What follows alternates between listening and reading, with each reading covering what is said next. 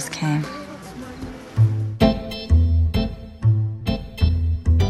To ud af tre heteroseksuelle kvinder får ikke orgasme regelmæssigt, når de har sex. Oh. Right. That's right. Klitoris blev opdaget i 1998. 1998. It's just that all men are sure it never happened to them, and most women at one time or another have done it, so you do the math. Det er først i nyere tid, at det overhovedet blev tilladt for kvinder at føle og reagere på lyst. En dreng i 14-15 års alderen kan udmærket have kønslige følelser, have rejsning og unanere måske, Her i 2020 taler vi sjældent om sex, medmindre vi er fulde. mens mange piger slet ikke føler den trang til kønslig udløsning. De fleste af os ved ikke engang, hvordan vi skal omtale vores egne kønsdele. Men vi har brug for at tale om sex, og ikke mindst køn. Oh, yeah. Okay. You know what I think? Uh, I think maybe we're on different rhythms here. Alle køn. For Gud er der forskel. The women are having way fewer orgasms than the men are. Og måske trænger verdens lystfulde, tændte og samtykkende mennesker til en seksuel revolution. Go sit over there. All you get to do is watch. Kom du er en podcastserie om sex og lyst, inspireret af Christine Tits tegneserie Orgasmebogen. Lyt til den, og lyt til din krop. Den er så meget.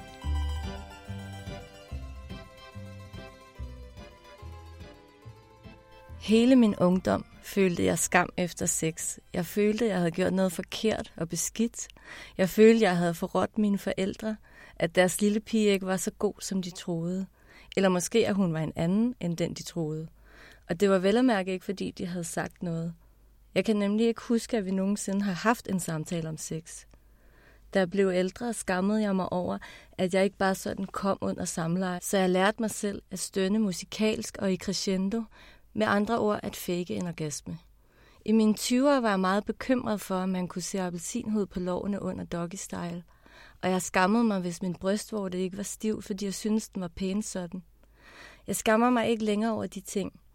Jeg har det ikke sådan længere med hverken orgasmer, lår eller vorter, men jeg kan stadig huske følelsen. Og jeg kan stadig føle mig fanget i forventninger og gamle forestillinger om, hvordan jeg skal opføre mig i mit sexliv. I dag skal samtalen handle om skam. Overfor mig sidder Christine Tid. Hun er tegneserietegner og kunstner. Det er hendes tegneserie, Orgasmebogen, der har inspireret til den her podcastserie. Christine har også været med til at starte Yngel, som er et feministisk netværk for tegneserietegnere i Danmark og Sverige. Velkommen, Christine. Tak. Og tak for din bog. Um, kan du genkende nogle af de her skamfulde følelser, jeg lige sad og listede op i min lille introduktion? Ja, helt sikkert. Og det tror jeg, der er rigtig mange, der kan. Øhm, og det var også derfor, det var vigtigt for mig at have et helt kapitel i min bog om skam. Øhm, det var noget af det første, jeg vidste, jeg gerne ville have med. Øhm, fordi det er, det er jo en grundlæggende del, tror jeg, også en i og for sig sund seksualitet, at der er nogle ting, der er lidt private og øhm, som man måske ikke viser til alle, men man måske viser med til sin partner, som man har sex med. Mm. Øhm, men for meget skam er bare så usundt øhm, og så hæmmende for os og for vores seksualitet og for vores væren i vores kroppe. Så lad os gå ind i skammen og sådan tilbage til den sådan original. Altså, hvor, hvornår og hvordan opstår skammen i os? Ja, altså, øh, den opstår omkring 2-3 års alderen. Øh, og der kan man sige, at den er med til at gøre, at vi får nogle, sikre nogle grænser omkring os selv og vores person. Altså, så vi for eksempel ikke alle sammen går rundt og tisser offentligt, eller altså, så vi også opfører os, hvad kan man kalde det, ordentligt over for hinanden. Vi, ja. Finder vi selv ud af, at vi, altså, hvis du... Ja, det tror jeg. Eller er det, jeg er jo ikke bliver- skamforsker på den måde, Nej. men det tror jeg. Øh, ja, at det er noget, der begynder at komme indenfra Okay. med børn. Ja. Øhm, Så det faktisk er med, en medfødt, eller nej, ikke medfødt, for du siger to-tre års alderen, men at den så alligevel kommer i, som et eller andet in- instinkt i os på en Ja. eller anden måde? Okay. øhm, ja. Og det er så meget sundt jo, det der med, at man ligesom har en eller anden retter med til at opføre sig ordentligt, som du kalder det, ikke? Præcis, ja. Altså der, hvor det bliver interessant, det er, at man også måske historisk har brugt skam og, og udskamning, for eksempel af kvindekroppen, øh, som et magtmiddel til undertrykkelse. Øh, og det er der, hvor det kan være rigtig interessant for os at blive lidt bevidste om det, at man for eksempel i middelalderen øh, havde et syn på, på kroppen, og måske især på kvindekroppen, som værende farlig, øh, eller ulækker, eller... Øh, ja, havde jeg sagt, sådan djævelens værk. Mm. øh, og desværre er der jo stadig nogle spor af det i vores kultur og samtid i dag, som vi måske ikke er så bevidste om, når vi går rundt, men som jo mere vi kan begynde at blive bevidste om nogle af de ting, øh, jo bedre kan vi alle sammen få det, og jo bedre sex kan vi få. Og jo bedre kan ja. vi støtte hinanden. Mm. Øh, også hvis man for eksempel som mand er sammen med en kvinde, som har svært ved at komme, så er det måske meget godt at, at forstå og vide, at det ikke bare det er måske ikke bare lige nu og her. Det er måske nogle større strukturer og nogle ting, som man har fået, fået med sig helt fra barndommen. Hvad, hvad gjorde man da i middelalderen? Hvordan udskammede man kvinder og deres kroppe? Øh, når der er en, jeg får bare lyst til at sådan en, en ting, jeg har gået og tænkt over, som handler om det her. Og det er det der med, øh, jeg ser nogle gange små drenge få lov til at tisse op ad et træ. Mm. Det er meget, meget sjældent, jeg ser små piger få lov til det. Ja. Og det synes jeg er sådan en stærk... Øh, et stærkt billede på det her. Fordi når vi lærer den lille pige, at hun skal holde sig, og det er faktisk rigtig farligt, hvis hun viser sin tissekone, mm øh, så lærer det sig jo i den lille pige. Og når hun en dag er 18 år gammel, og måske gerne vil bruge den tissekone til også at have sex med, mm. så tænker jeg, at det sidder i kroppen som en bevidsthed. Øh, både selvfølgelig fysisk og psykisk. Og, altså sådan, det, det lærer sig ligesom i hende. Hvor den lille dreng, der får lov til at for det første stille sit behov og tisse, når han virkelig skal. Ja. Øh, og også få lov til at vide, ligesom vise sin verden, sin tissemand. Øh, han har selvfølgelig måske også, kunne man forestille sig, nemmere ved at bruge den tissemand seksuelt, når han bliver 18. Ja, øh, og det er ikke sådan, altid været positivt forbundet. Den, eller og den han har op. godt måtte vise, han har godt måtte vise den frem ja. og, og tisse ved et pissoir øh, sammen med andre mænd, der også har, eller drenge, der har kunne se hans tissemand. Mm. Og det er ikke fordi, at jeg siger, at vi skal gå rundt og tisse alle sammen, men, men måske skulle der bare det fedeste kunne være, hvis der galt nogenlunde de samme regler, uanset om man havde en tissemand eller en tissekone.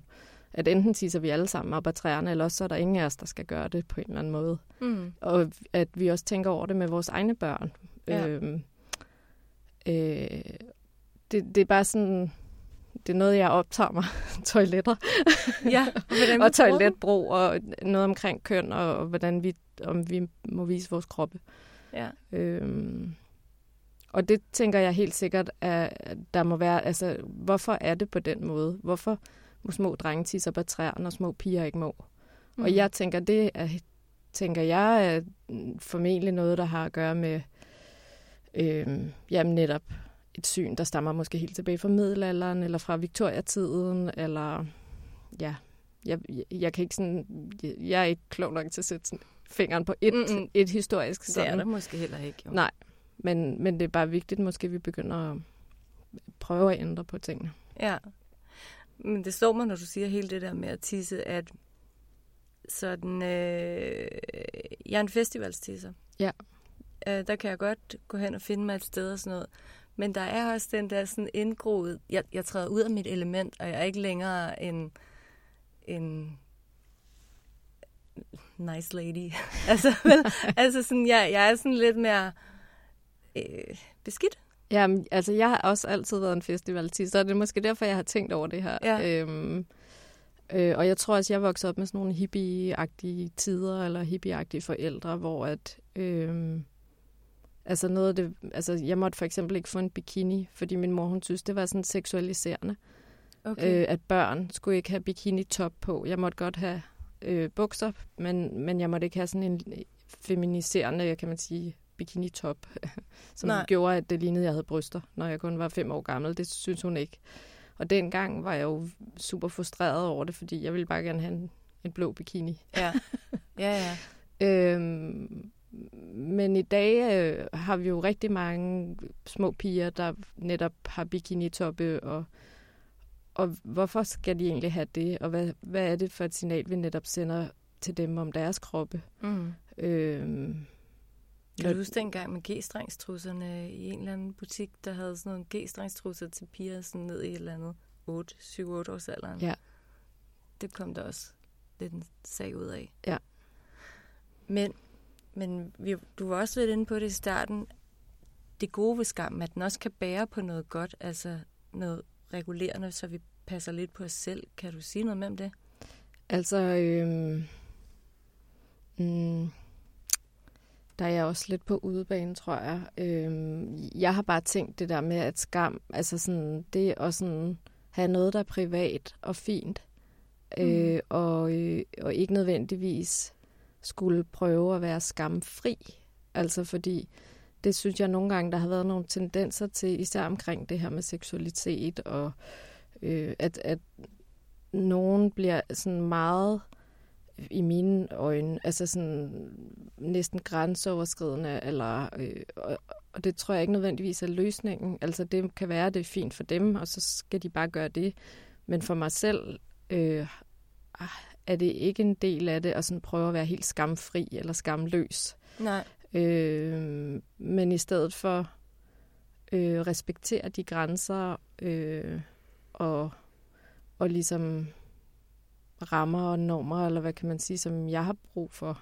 Ja. Eller, og det samme tænker jeg, at andre også kan gøre. Altså det der med, at vejen ud af noget af den her sådan lidt forkerte skam, eller hvad man kan sige, fra, fra gamle dage, vejen ud af det er måske ikke at prøve at være skamfri.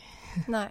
Men at, øh, at ligesom undersøge, hvis man har noget skam omkring for eksempel at tænke på, om man har appelsinhud, øh, når man altså under doggy style. Altså sådan, det er jo, det er jo rigtig ærgerligt at bruge tiden under sex på at tænke på det, kan mm. man sige.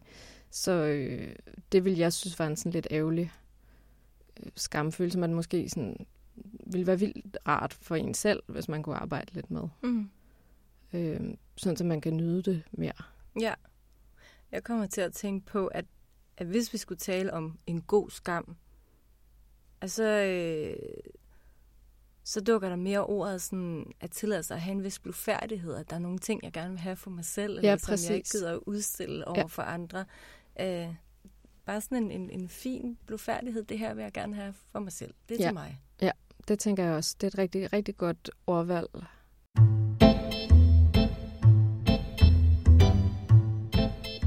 Det kønslige samkvems ophør for kvindens vedkommende. Vigtigere end den fysiske evne, der bevares relativt længe, er den sjælelige indstilling. Med overgangsalderens indtræden ophører æggestokkene med at producere æg, og hos mange kvinder ophører samtidig med dette produktionen af kønshormoner. Også kønsdriften svækkes og udelukkes til sidst.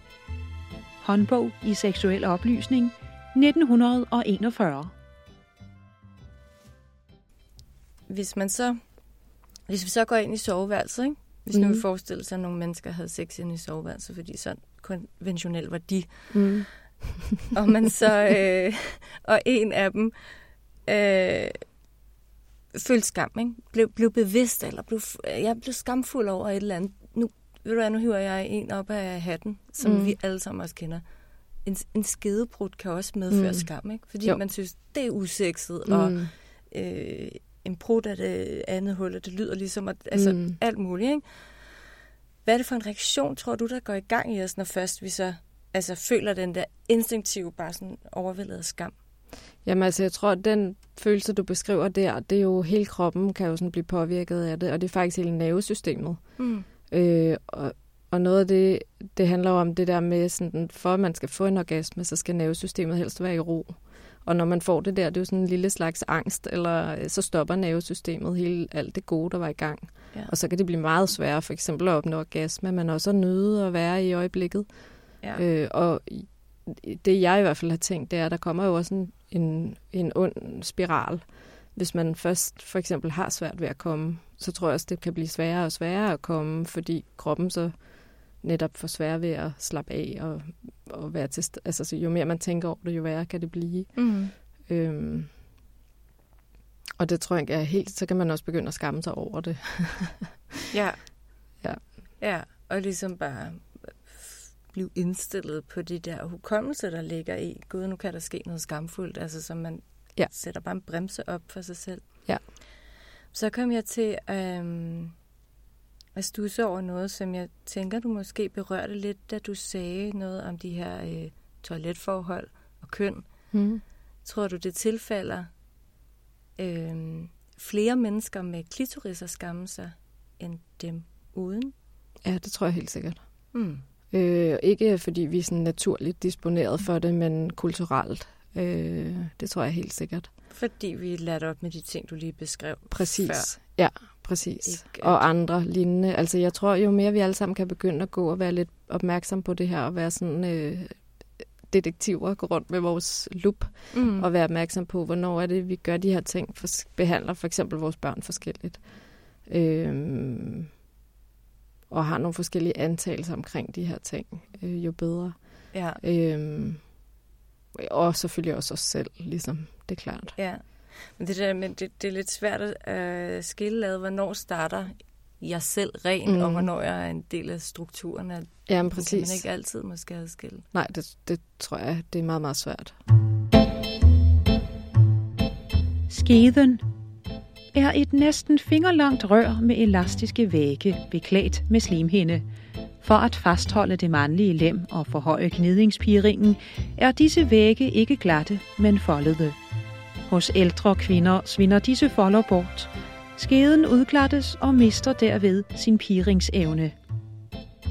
Håndbog i seksuel oplysning 1941.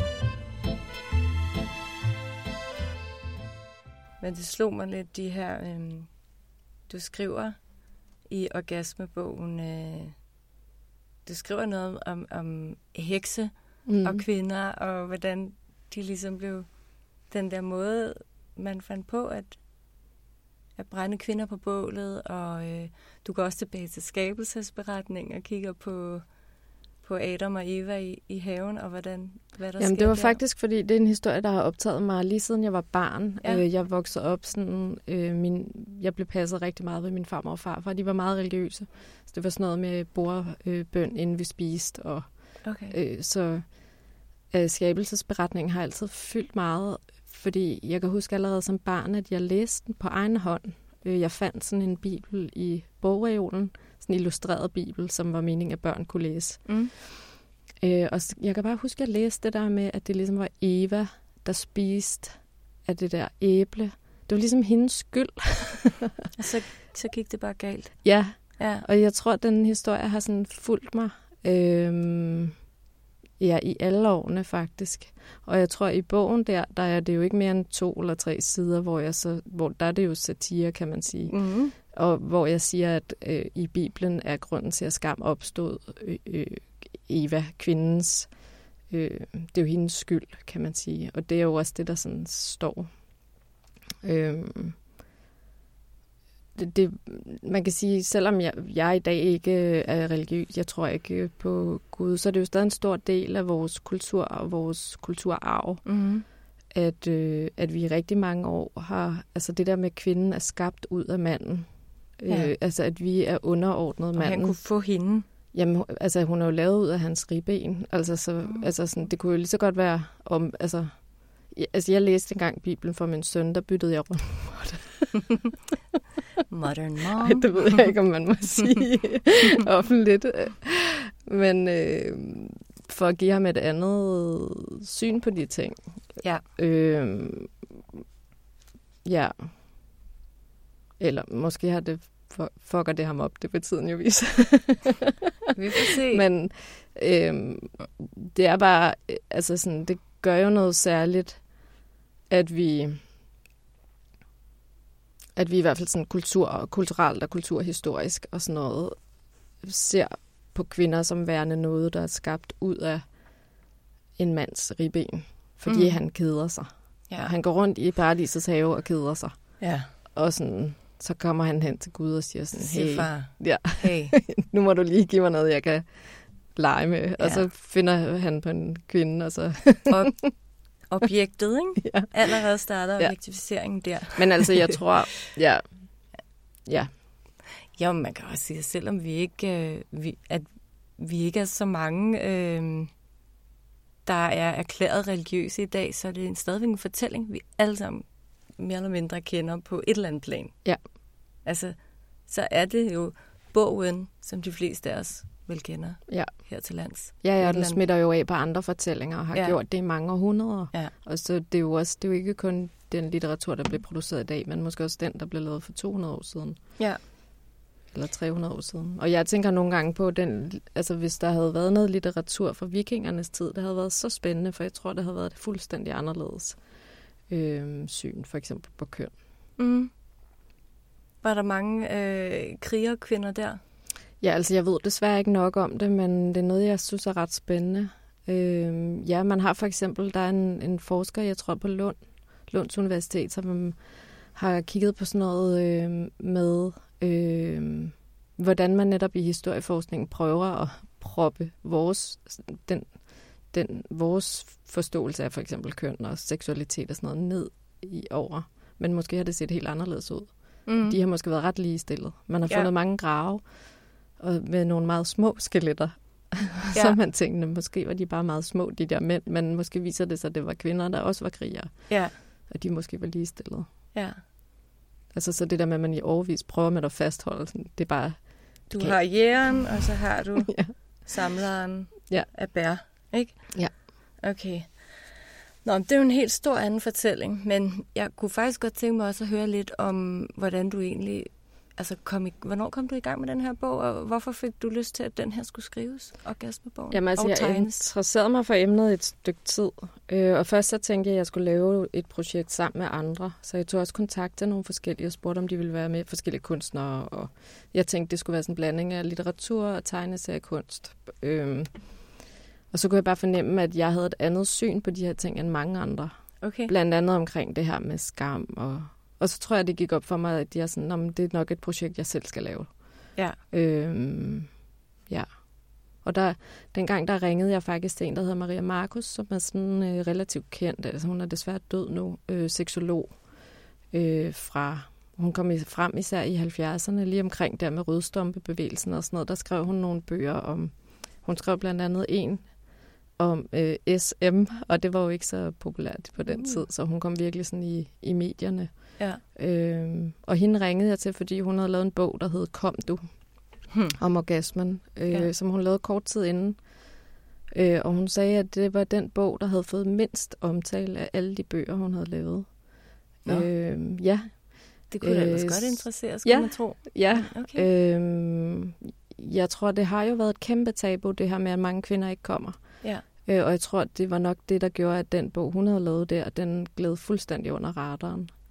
Øh, så jeg tror også, jeg vidste, hvis jeg skulle lave den her bog, så skulle den være guld og stor og vel researchet ja. og øh, ligesom ikke være til, at man sådan man skulle ligesom ikke kunne komme udenom den. Nej, eller bare sådan feje, feje den væk og finde ja, den for let, også, eller for tør, eller Ja, og mange har, har altså sådan, titlen har været sådan lidt afskrækkende og problematisk på mange. Mm. Jeg var faktisk inviteret også ind i Godmorgen Danmark, og jeg, jeg hørte, at de også var lidt nervøse ved titlen. Og jeg, jeg ved ikke, om det var derfor, men Fordi de aflyste i hvert fald. orgasmebogen indgår. Altså ja, orgasme. Det er og jeg tror, orgasme. hele det emne med at tale om, at mange kvinder ikke får, får orgasme under sex, det er jo øh, vildt udfordrende for mange. Det udfordrer jo nogle magtstrukturer, mm. og det tror jeg bare, man skal gøre sig øh, klart, ja. øh, at det er farligt, eller altså sådan i citationsfarligt, ikke? At, ja. at tale om øh, ja. på i primetime. Men det, det er skørt nok, ikke? Fordi i en af de andre samtaler, jeg har haft, der, øhm, der talte vi også om det der med, altså, hvor svært det er altså, at gøre til en hverdagslig og ordentlig samtale, uden man enten, hvis man er ung, skal fnise, mm. eller hvis man er moden eller ældre, bliver sådan altså snubler over og slet ikke kan mm. få sig selv til at sige det, fordi man føler sig blameret. Ja. Så det der med at opfattelsen om, at det er en meget, meget privat samtale, samtidig med, som der var en, der påpegede, at, at, det, at det er noget, der bliver styret politisk, altså vores mm. sexliv styres politisk, og man kan få abort, og Mm. Men jeg man tror, man får skal seksualundervisning, ja. men vi må fandme ikke tale om det, og, for, altså, og fortælle om... Men altså, jeg tror, der er to, altså man skal skille, der er to ting på spil. Og Mhm. det ene, det er at tale om sex, og det kan vi have nogle følelser omkring. Ja. Og det andet er at tale om, at mange kvinder ikke får orgasme, Mm. mm. og at vi ikke har vidst, at klitoris...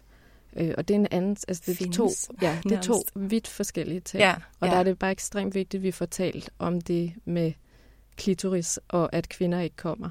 Ja. Og så må vi blive lidt røde i ho- hovederne, men vi skal stadig gøre det. Ja. Og det skal også på Godmorgen Danmark. Altså, Ja. det, skal, det skal der ud. De aflyst. Sagde du lige det? Kan jeg ikke lade være at hæfte mig ved? ja. Hmm. Spændende. Det kan være, de inviterer mig igen en anden Ja. dag, men øh, ja, jeg, jeg, har, jeg, ja, jeg fornemmede, at det er et touchy emne. Ja. Og så gik jeg ind og kiggede, om, og jeg kunne se, at de havde jo haft stripper, og jeg ved ikke, hvad de ikke har haft inde igennem tiderne, så Ja, det, det kan jo og- være meget tankevækkende, at de synes, at sådan en lille øh, en som mig, der har lavet en tegneserie, er, er, er måske er, hvis det er det, de har syntes, Ja. er, er Ikke- farlig. ja. ja. Og det, men jeg tror, det er lidt... Jeg vil jo helst have, at det stod nede i den der orange bjælke, du ved, breaking news. Ja, ja. Klitoris er fundet. Fundet, ja. men jeg tror måske, det er... ikke ud, som vi troede. Men jeg tror måske, øhm, at det er skræmmende. Ja. I, I sådan, ja, Ja. for mange at tale om. Ja, men jeg skal heller ikke sidde og lade som om, at, at det er det mest naturlige. Jeg synes, altså, der kan jo, jeg kan da i hvert fald sagtens mærke, at, at, man, at jeg ved sådan, hvem jeg kan tale med det om. Man kan jo lynhurtigt mærke, om det mm. er nogen, der kan gå med ind i sådan en samtale, eller om det vil være enormt grænseoverskridende. Ja. Men øhm, Der er en anden ting, jeg har tænker, ja. kommet til at tænke på. Øh, det der med at navngive og kalde øh, køn, sine kønsorganer for noget, havde jeg sagt noget som helst. Ja. Og der har jeg oplevet, nu er jeg jo blevet interviewet nogle gange, og jeg har selvfølgelig også snakket med folk, og jeg oplever, at øh, som du sagde før, det der med, at nogen fniser, Mm. mm. øh, der er også nogen, der næsten ikke kan tale om det, især unge, øh, uden, at, uden at fni, altså hvad man skal kalde for sin tissekone, kusse, vagina, vulva. Ja. Og også, at mange synes, at de ord, der findes, især for, for det, øh, de sådan kvindelige organer, Mm. øh, at mange synes, at de er ulækre, eller Ja. mere ulækre, eller Ja. sværere at sige, end dem, der er for altså en tissemand og pik. Og, og der tror jeg også, at ja. det er fordi, vi måske heller ikke er vant til at tale så meget om dem. Jeg har i hvert fald oplevet, at jo mere man siger de der ord, jo mindre farlige bliver det. Ja. Det er Du lidt kan- ligesom Lord Voldemort i Harry Potter, ikke? Altså Mm. Harry, som ikke er bange for ham, kalder, kalder ham Voldemort. Ja. at måske skal vi vi skal ikke være bange for at navngive.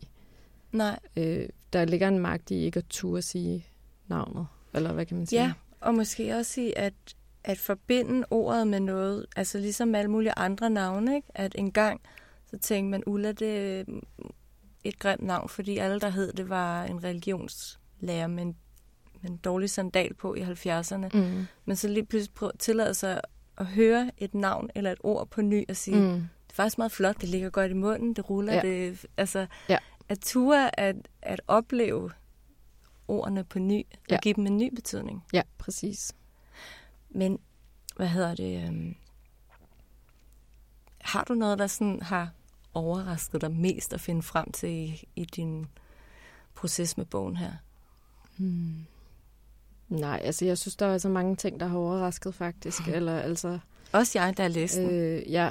Altså, helt vildt. Nogle af tingene vidste jeg jo godt. Øh, jeg vidste godt nogle af de ting omkring klitoris og sådan noget, men når man så dykkede ned i det, så synes jeg tror, jeg blev overrasket over, at for eksempel, at Kinsey i 1950'erne vidste, altså som er sådan en forsker, Ja. amerikansk forsker, der Ja. havde et stort team, at de alligevel vidste sig relativt meget, men at det så ikke er nået ud på de, hvad er vi i 2020, i de, på de 70 år, at er, det, er der stadig været et stort fokus på vagina, på trods af, at de var sådan nogle biologiagtige øh, forskere, der forskede kroppen. Ja. Og de var sådan, de havde meget opmærksomhed på klitoris og på, på hvad det egentlig er, der udløser orgasme. Og så kan man bare undre sig over, at den viden ikke er sevet ud Mm. i samfundet. Ja. Øhm, ja. Det tror jeg, det har undret mig helt sikkert, at, at den der viden har været der, og så er den sådan, jeg ved ikke hvad, døsset ned, eller den er i hvert fald ikke kommet ud Nej. øh, bredt. Jeg, jeg tror, og det har vi ikke noget svar på, om det sådan aktivt er blevet moset til siden, eller, eller om folk ikke bare har været gode nok til at pick op på det og, og medtage den her nye viden. Altså ja, for, et, for et par uger siden, to uger siden eller sådan noget, døde øh, en amerikansk øh, øh, forsker, som hedder Cher Hyde. Og hun lavede nogle store rapporter i 70'erne, som blev mega udskældt, fordi hun lavede dem sådan på egen hånd, hvor hun, øh, hun interviewede, men via, altså øh, folk kunne skrive ind, eller sådan nogle spørgeskemaer hvor, på brev. Mm. Og det var sådan du, 4.000 kvinder i den ene eller et eller andet, ikke? Ja. Øhm, og der fik hun jo nogle vildt ærlige svar. Mm. Og hun spurgte, i den første handlede rigtig meget om orgasmer og om sex. Og øh, hun fik jo rigtig mange svar om, at kvinderne ikke fik orgasmer. De turde måske ikke. De havde en forestilling om, at de skulle komme af vaginalt øh, samleje, altså penetration. Ja. Og, og det var ikke der, de kom, så de følte sig forkerte. Øhm, og hun blev jo, altså sådan, hun endte faktisk med at flytte til først Tyskland, altså England, altså flygte nærmest fra USA, ikke? Fordi hun fik dødstrusler og alt muligt. Altså, Holy. Ja, så jeg tror sådan, og, og hun er jo også blevet kritiseret for, at hendes metoder ikke var gode nok, og, og jeg tror, det jeg i hvert fald er frem til, det er, jamen hun er det mindste en, der har kommet med noget data om det her. Mm. Altså sådan, så må, hvis vi ikke synes, at metoderne var gode nok, så må vi jo forske lidt mere i det. Det er i hvert fald noget ret signifikante ligesom resultater. Ja. Så uanset hendes metode, så må vi, bare, så må vi jo skaffe nogle midler til at undersøge det. Ja. med nogle ordentlige forskere, hvis det er det, der er problemet. Ja. At det kan undre mig, at man ikke har gjort det. Ja. Øhm. Så her til sidst, ikke? Du har sagt, at vi trænger til en seksuel revolution. Ja. Hvor kunne du godt tænke dig, at vi endte henne? Jeg gad virkelig godt, at vi var ligestillet øh, og havde lige mulighed for de her ting. Øh, vi er jo ligestillet. Lige mulighed sådan, for, ja. for, for orgasme. orgasme. Ja. ja. Og for tis op af et træ. Mm. Perfekt. Jamen, øhm, det, det, det tror jeg ikke, der er grund til ikke at lade være sidste ord. Nej. Så tusind tak, fordi du kom, og tak for din bog. Du har lyttet til Kom du? En podcast-serie om sex og lyst. Husk, at du kan finde mere viden om sex, lyst og orgasmer i Christine Tits tegneserie Orgasmebogen.